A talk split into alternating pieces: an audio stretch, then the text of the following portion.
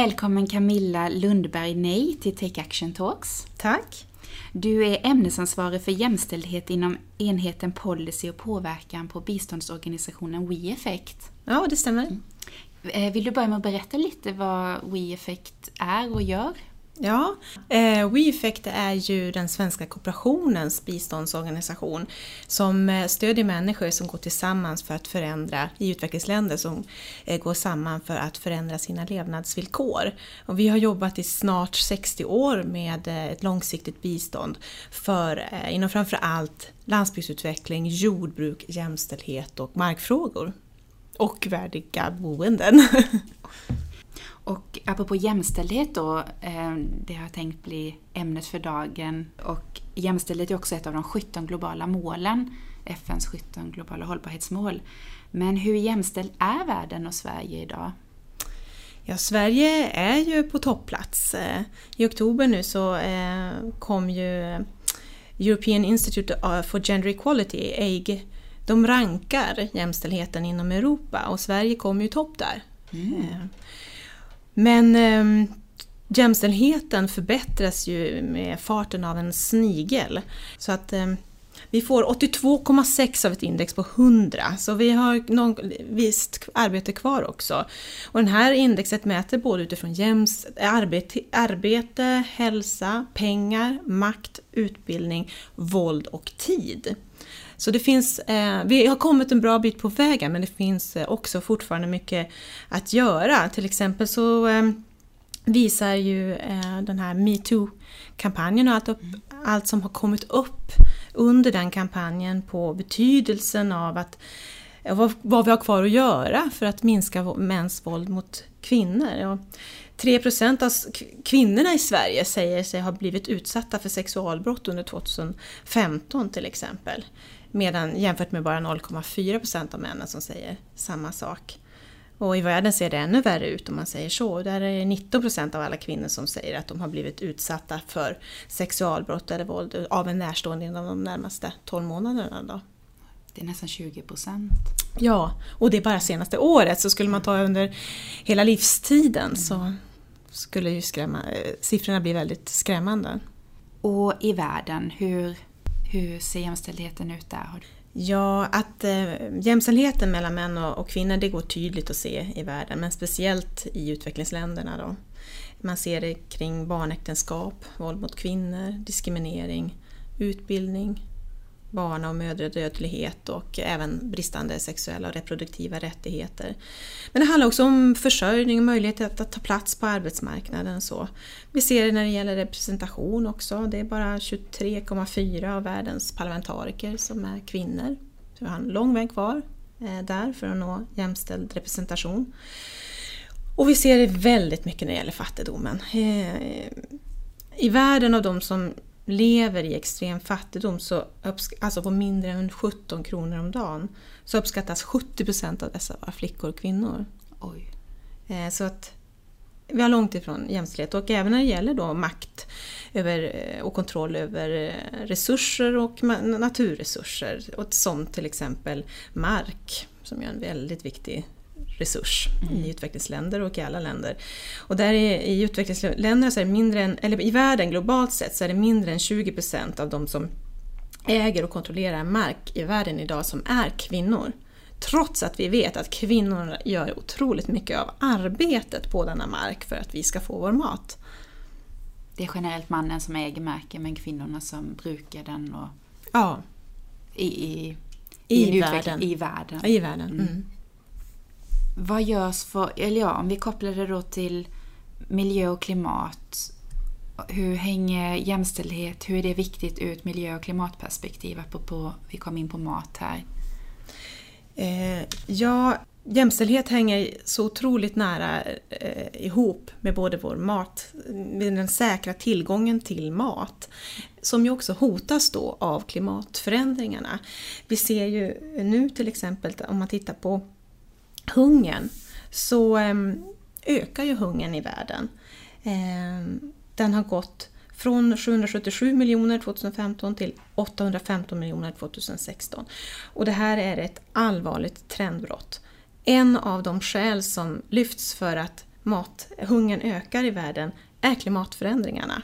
Och vi vet att eh, kvinnliga jordbrukare står för mellan 45 till 80 procent av all matproduktion i utvecklingsländerna. Och eh, det, vi vet att när maten är skral så äter kvinnor och barn sist och minst. De är mest sårbara för effekterna av klimatförändringarna. Och genom då till exempel att stärka kvinnors eh, empowerment som det heter på engelska, stärka kvinnor och även att se till att kvinnor får tillgång till ägande av mer mark och så vidare så skulle man kunna väga upp de här siffrorna då med att kvinnor kommer kunna producera mer mat eller få väga upp? Ja, om man tittar då på vad, hur We, mm. We Effect ser mm. på saken så mm. eh, ser vi att förändring är möjlig när människor går samman och tillsammans bestämmer hur man ska kunna förbättra sina levnadsvillkor. Det som försvårar situationen nu med klimatförändringar är att man helt enkelt måste ta in ett allt mer nyckfullt klimat eh, och hur kan man ut, vad kan man utveckla för strategier för att svara upp mot de här förändringarna och vad kan man också göra för att motverka klimatförändringarna? Eh, så här kan man, och gör man det i grupp tillsammans så får det större effekt. Men, och gör man det i grupp så kan det också vara säkrare för kvinnor till exempel om man tänker att det är längre att gå efter vatten för att vatten är, har vattentillgångarna har blivit mindre, ja men då kanske man kan gå tillsammans. Man kan arbeta också för att adressera liksom grundorsaken, den skeva arbetsfördelningen i hemmet också. Att man kan dela på vem som hämtar vatten, förändra normerna kring vem som gör vad i hushållen. Och Just för om det är långt att gå menar du att det är risk för övergrepp? Ja, och våld. Och det blir en, annan, en mer utsatt situation för flickor och kvinnor. Och även har man ju läst just det att det är ofta flickor som får gå och hämta vatten istället för att vara i skolan. Precis. Ehm. Det är ett eh, växande eh, problem som också är en effekt av klimatförändringarna faktiskt. Mm. Ja, förutom att kvinnor har ofta ansvar för att hämta vatten, se till att man har ved för att laga maten och så vidare. Så finns det ju, måste de också hantera sociala, ekonomiska och politiska hinder som begränsar deras handlingsutrymme att hantera hela sin livssituation och därigenom också klimatförändringarnas effekter. Ehm, så därför, det bidrar också till att kvinnor är mer sårbara när klimatet förändras. Och det här eh, ansvaret kopplas dessutom, eller kombineras med mindre makt och inflytande. Kvinnor har mindre makt över beslut som rör tillgångar över resurser som mark eller annat. De har sämre tillgång till beslutsfattande arenor. Man har inte samma möjlighet som män att röra sig fritt eh, och känna sig säker. Ehm, så det är, blir en, en en komplex situation. En, en fattigdom är, har många dimensioner helt enkelt. Och klimatförändringarna också påverkar så som du säger att kvinnorna blir ännu mer utsatta. Mm. Det är mm. ojämlikt redan idag men klimatförändringarna bidrar till ett ännu mer ojämlikt samhälle utifrån vad du gav exempel på nu. Ja precis, bördorna blir ju eh, tyngre men också förändras. Eh, och då förändras hur vi hanterar dem med det. Och det gäller också att hela tiden vara... Eh, om vi vill förändra hur vi gör saker eh, i projekten eller hur, eller hur vi ska hantera klimatförändringar så måste vi hela tiden också vara, eh, ha örat mot marken och kolla hur, hur, vad utvecklar människor för, eh, för strategier för att för, klara av sin situation, förbättra den eller bara Eh, men också ta tillvara den kraft som också finns eftersom kvinnor är också starka förändringsagenter. De, driver, de har ofta stor kunskap när det gäller så här, hur ska man klara av sig att eh, sätta mat på bordet när torkan kommer. De har gjort det många gånger förut.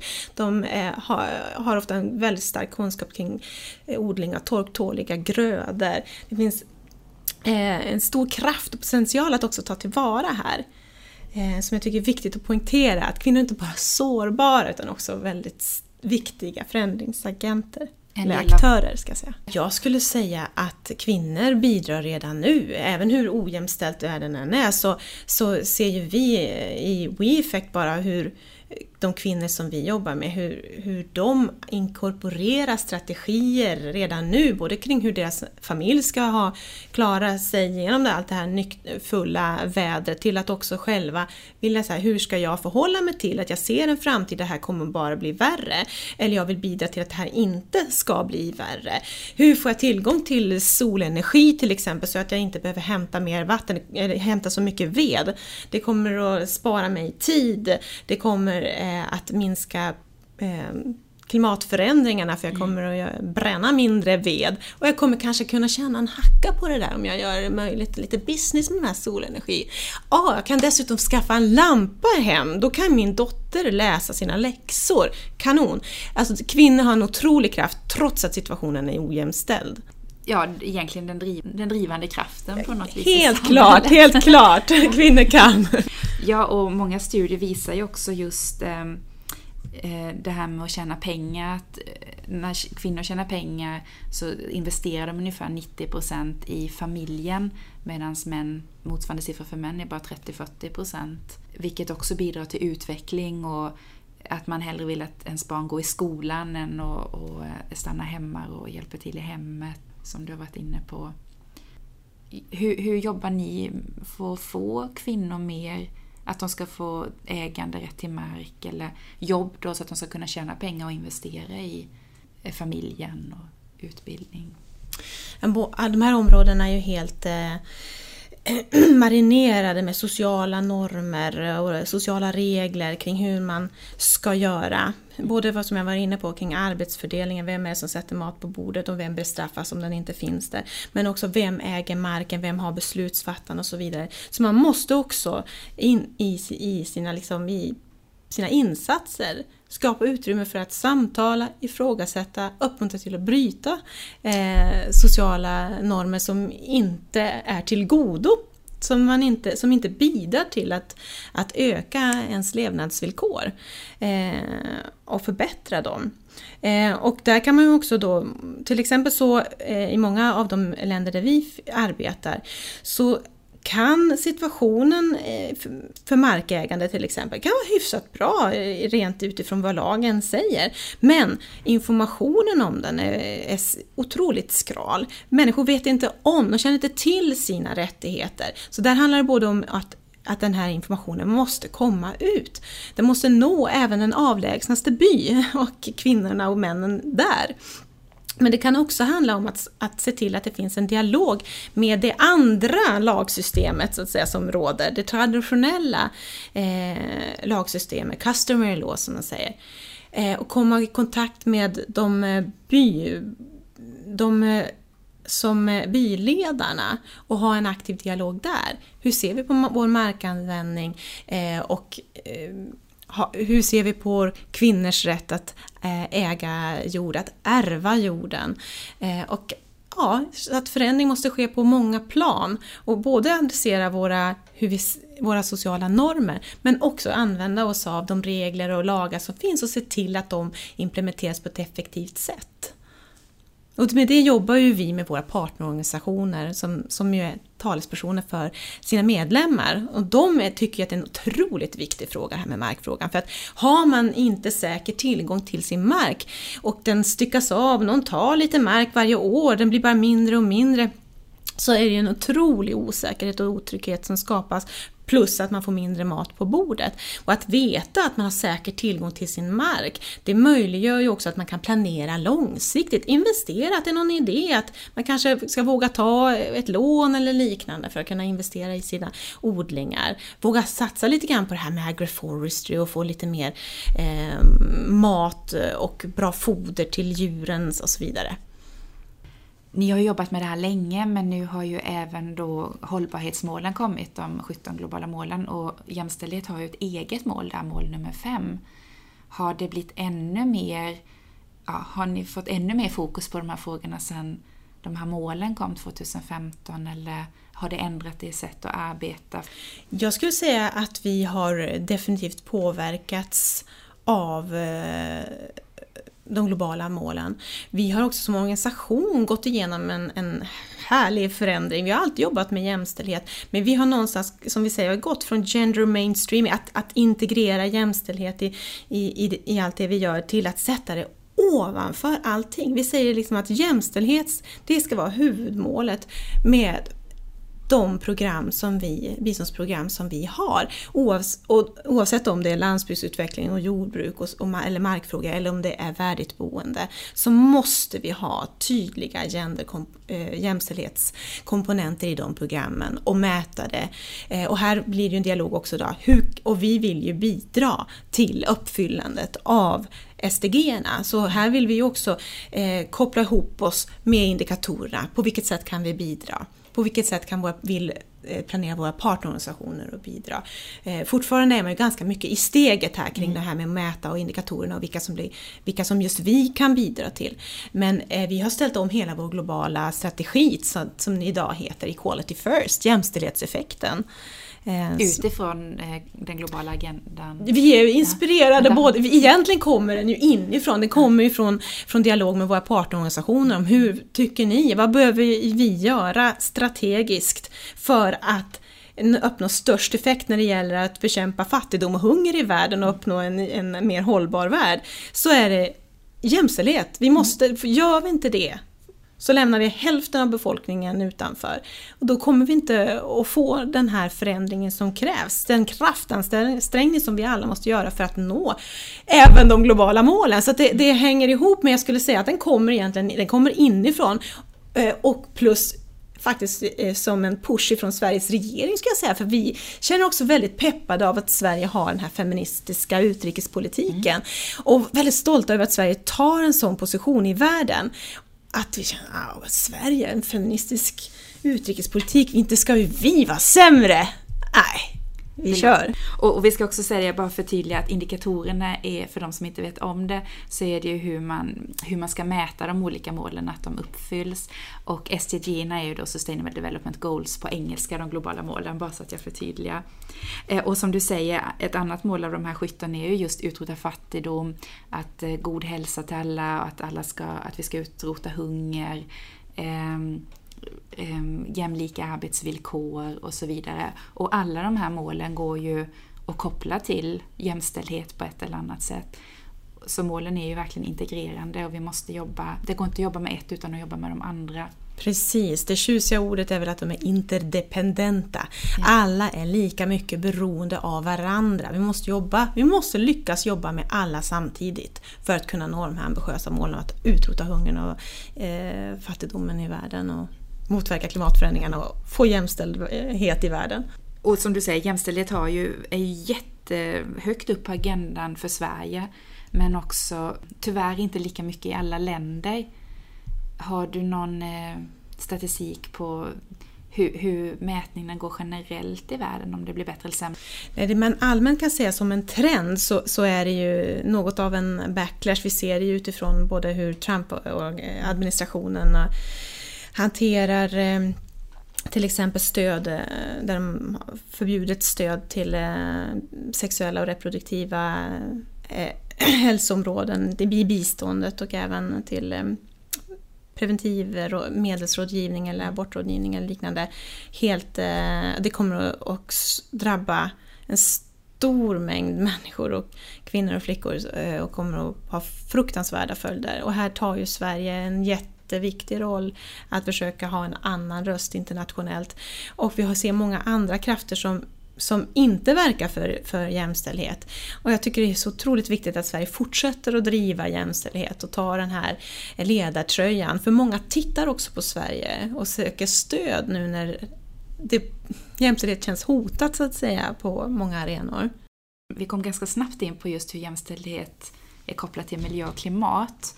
Eh, men jämställdhet i allmänhet, eh, om vi pratar om Sverige här då, av de här olika indikatorerna som man mätte, om, om man är jämställd eller inte, har du något specifik information om vilka områden i Sverige som, ja, som behöver förbättras extra mycket eller något där vi ligger extra bra till? Eller? Ja, jag tycker... Eh, ja, delvis så kan man väl säga att eh, vi har ju ett problem när det gäller löner, att vi inte, kvinnor och män inte har eh, lika lön för likvärdigt arbete så att säga. I Sverige har kvinnor 87 procent av mäns lön. Eh, vi kan också se eh, som en trend i i hela Europa att själva tiden som eh, kvinnor har, man pratar ju om tidsfattigdom, alltså eftersom kvinnor har det största ansvaret traditionellt för omsorgsarbete, för det reproduktiva arbetet, för hushållsarbetet, så blir, har kvinnornas tid för att utveckla sina egna intressen, för sociala aktiviteter, för politiskt deltagande, för eh, sport eller fritid, är, eh, där är ju ojämlikheten stor och den ökar. Den blir sämre i Europa. Om man inte är så insatt i det så tänker man ändå att fler och fler kvinnor är på arbetsmarknaden och så vidare. Mm. Men det är kanske därför också tiden blir mindre för, som kvinna. Man tar man också fortfarande störst ansvar i hemmet. Precis. Man kan, vi kan inte bara prata om kvinnors ekonomiska e e egenmakt. Utan vi måste också prata om vad som händer hemma. Mm. Vi måste adressera hur, hur arbetsfördelningen ser ut när det gäller omsorgsarbetet, det reproduktiva arbetet eller vem som gör vad i hushållet. Det här är lika sant för du och jag i Sverige. Vem, är, vem gör sakerna hemma hos oss i våra hushåll? Vem är projektledare inför julens eh, festligheter och så vidare, eller vad man nu firar. Ehm, det, det, är en viktig grej tror jag att prata mycket om och omvärdera och bryta normer. Och våga, våga, inte vara, våga göra på andra sätt. Och detta gäller som du säger både väst, som vi kallar västvärlden och mm. utvecklingsländerna på mm. olika både kulturer och normer. Och... Du nämnde här i början att, att Sverige har 82,6 av 100 på den här jämställdhetsskalan. Vad, det är ju ändå ganska mycket kvar för att nå 100 tänker jag. Ja visst har man kvar att göra om man ligger på 82,6 men då är Sverige i topp. Vi är nummer ett.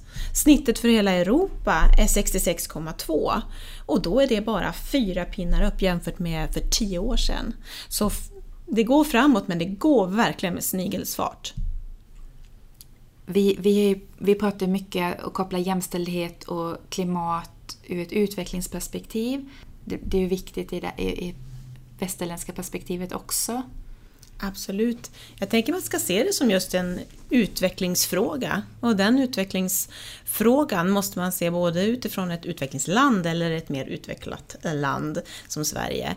Eh, och att vara eh, hur klimatförändringarna kommer att drabba oss, vad man ser för effekter, vad man vill göra åt det.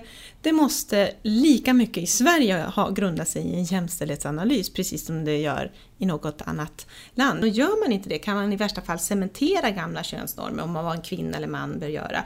Fortfarande gäller att man måste se hur eh, olika strategier man vill, eh, eller tekniker man vill lansera, hur man tror att de kommer att mottas, hur, i vilken kontext landar de, hur ser maktfördelningen ut där?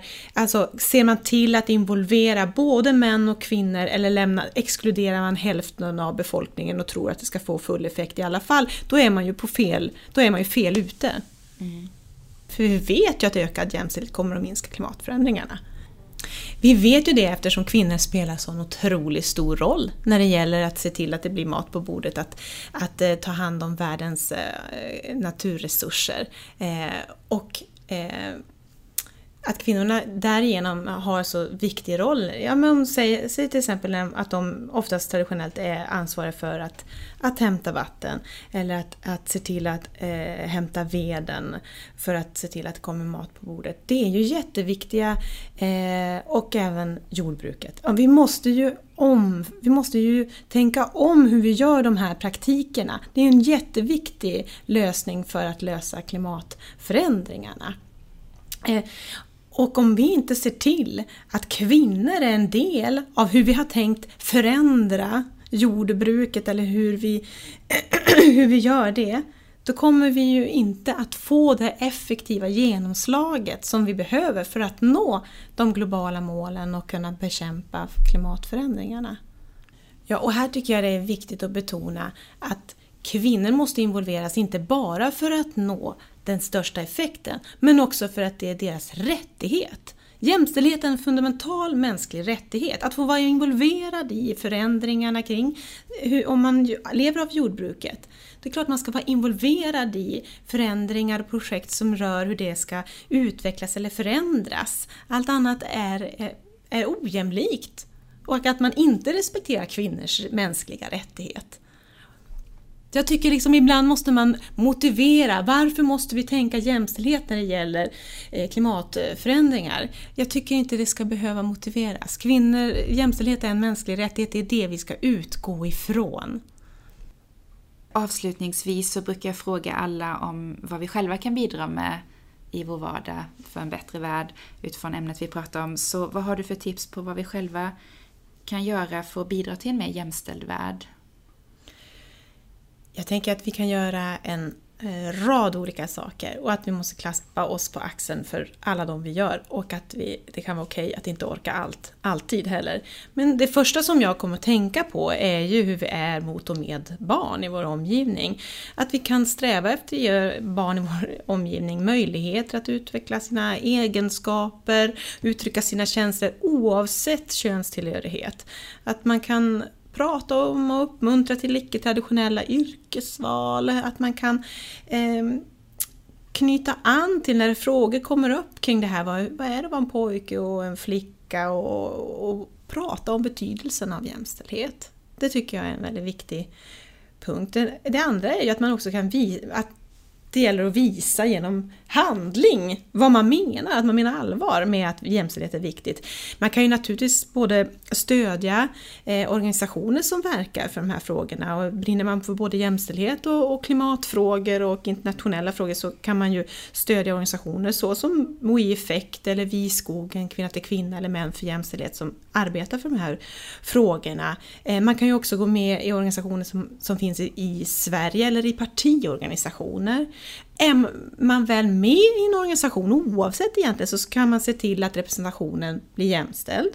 Eh, prata, se till att styrelsen har en jämn representation. Se över vem som gör vad, vem är ordförande, vem skriver alltid protokollen, vem kokar, kokar kaffet. Eh, på din arbetsplats. Vi vet ju här att kvinnor får mindre lön än män för likvärdigt arbete. Hur är det på din arbetsplats? Finns det någon lönekartläggning? Kan du uppmuntra till en sådan? För se efter, hur ser det ut hos dig? Um, vilka röster lyssnar vi till? Vem får talutrymme i din vardag, på ditt jobb, hemma hos dig eller i skolan? Vi vet att både män och kvinnor tenderar att lyssna mer på män. Pojkar får större utrymme att tala i skolan än tjejer. Lärare vänder sig oftare till pojkar än till flickor. Hur ser det ut i dina sammanhang där du finns? Och du kan testa hur det ser ut för eh, vi tenderar att inte se det här. Eh, då kan man mäta hur man gör, vem som pratar mest genom en gratis app som heter Gender Timer. Och utifrån liksom fakta är det lättare att öppna upp ett samtal om Oj då, såg det ut så här? Vad kan vi göra åt det? Om det inte blir så bra resultat. Ehm, en annan jätteviktig bit som ju är viktig både i utvecklingsländer såväl som här, det är ju det här med att dela ansvaret. Hur, hur gör vi i vår i mitt hushåll, de som ingår i mitt hushåll, hur delar vi på hushållsarbetet, omsorgsarbetet eller det reproduktiva arbetet som sker där? Eller i din släkt? Vem gör vad? Hur mycket tid går åt för olika personer? Och vem är projektledaren i, i hemmet? Kan man dela bättre på ansvaret? Ehm, och en viktig punkt är också så här, har de vuxna eh, i din familj lika stort utrymme att utveckla sina egna intressen? Vi vet ju det här att både, för att kvinnor både lönearbetar och har ansvar för hushållsarbetet och omsorgsarbetet och det reproduktiva arbetet så har de oftast mindre tid. Um, vi vet att det här är också ett område som backar eh, på Europanivå så att säga. Vad kan vi göra åt det här? Hur ser det ut hos oss? Och jag tänker att nyckeln här är ju liksom att prata om det. Att ha den här löpande diskussionen om jämställdhet, det är ju helt eh, centralt om vi ska kunna förändra någonting.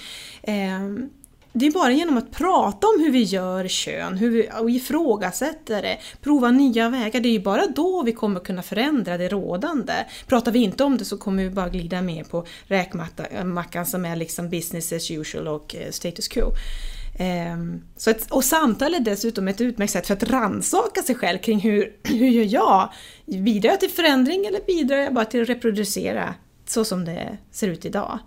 Eh, och en uppmuntran kanske också till att bryta sociala normer. Så de här eh, sociala reglerna som vi har, samhällets olika normer och förväntningar på oss utifrån föreställningar om vad som är manligt och kvinnligt. om vi pratar mer om det så kan vi också vara bättre rustade att faktiskt våga bryta det och stå upp för jämställdhet. Och den sista uppmaningen jag skulle vilja säga är att säg ifrån. Säg ifrån när du ser diskriminering eller hör någon prata nedsättande om kvinnor eller att någon drar ett sexistiskt skämt. Och sök stöd för att orka göra det här. Hämta liksom trygghet och mod bland andra som vill också förändra och se till att världen blir jämställd. Särskilt tänker jag på det här med metoo, mm. eh, säga ifrån. Eller hur? Mm. Ja, en sån um, viktig bit i det där i metoo, det är så både så peppande kampanj och samtidigt så är den ju väldigt jobbig. Den rör upp en massa saker. Jag vet många i min närhet som tycker att det är svinjobbigt med allt som kommer upp för de måste också och bli påminna om det de själva blivit utsatta för. Eh, jag tycker det är så viktigt som en av mina kollegor i Palestina, Mariam, sa att eh, det är väldigt peppande, det är väldigt viktigt att dela sin historia men ingen är skyldig att berätta sin historia. Det tycker jag också är väldigt viktigt. Det måste vara på ens egna ja. villkor också. Hon sa det att i Palestina, bland hennes Facebookgrupper, eller de som hon känner på Facebook, finns det inte en kvinna som har delat metoo-hashtaggen. Därför att då skulle den kvinnan riskera att bli eh, socialt exkluderad, bli liksom ”jaha, vad har du gjort som har blivit utsatt för det?” eh, eh, Det är liksom, hon utsätter sig för en risk genom att säga att gå ut och dela sina erfarenheter. För det betyder ju inte att ingen palestinsk kvinna har blivit utsatt, mm. snarare tvärtom. Mm. mm. Det är också något att fundera över. Mm. Och därför tycker jag initiativet med, som Män för jämställd också håller på med är ju så viktigt också att det kanske snarare handlar om, också om att män säger eh, liksom I'm sorry och eh, rannsaka sig själva. Ta det här som ett tillfälle att rannsaka sig själva. Mm. Istället för att kvinnorna ska ha en skyldighet att berätta sina stories och be, berätta om sina sår. Samtidigt som det är så viktigt att det uppmärksammas. Mm. Ja, det är ju grymt bra att de, de som orkar. Det är ju otroligt bra. Och mm. jätteviktigt att vi har deras back. Liksom. Mm. Att vi stöttar upp de kvinnor som... För hade alla varit Palestina så hade ju ingenting... Eh, Nej. Så hade ju, hade, Nej. Ju, hade ju inte rösterna höjts. Nej, och jag tänker också att det kanske är viktigt för oss också. Vi kanske tycker att det är lite jobbigt. Mm. Men just det här att inse att den här kampanjen den, den sprids ju. Den är ju liksom internationell. Mm. Och den peppar palestinska kvinnor fastän de inte skrivit endaste metoo. Mm. Så betyder, de, betyder det supermycket. Mm. Börja prata om det, det blir mer, det händer någonting i alla fall på andra områden. Andra ställen i världen menar jag. Mm. mm. Det är ju faktiskt häftigt. Jättehäftigt och jätteviktigt. Ja. Mm. Tack snälla Camilla för att du ville vara med. Tack, det var jätteroligt.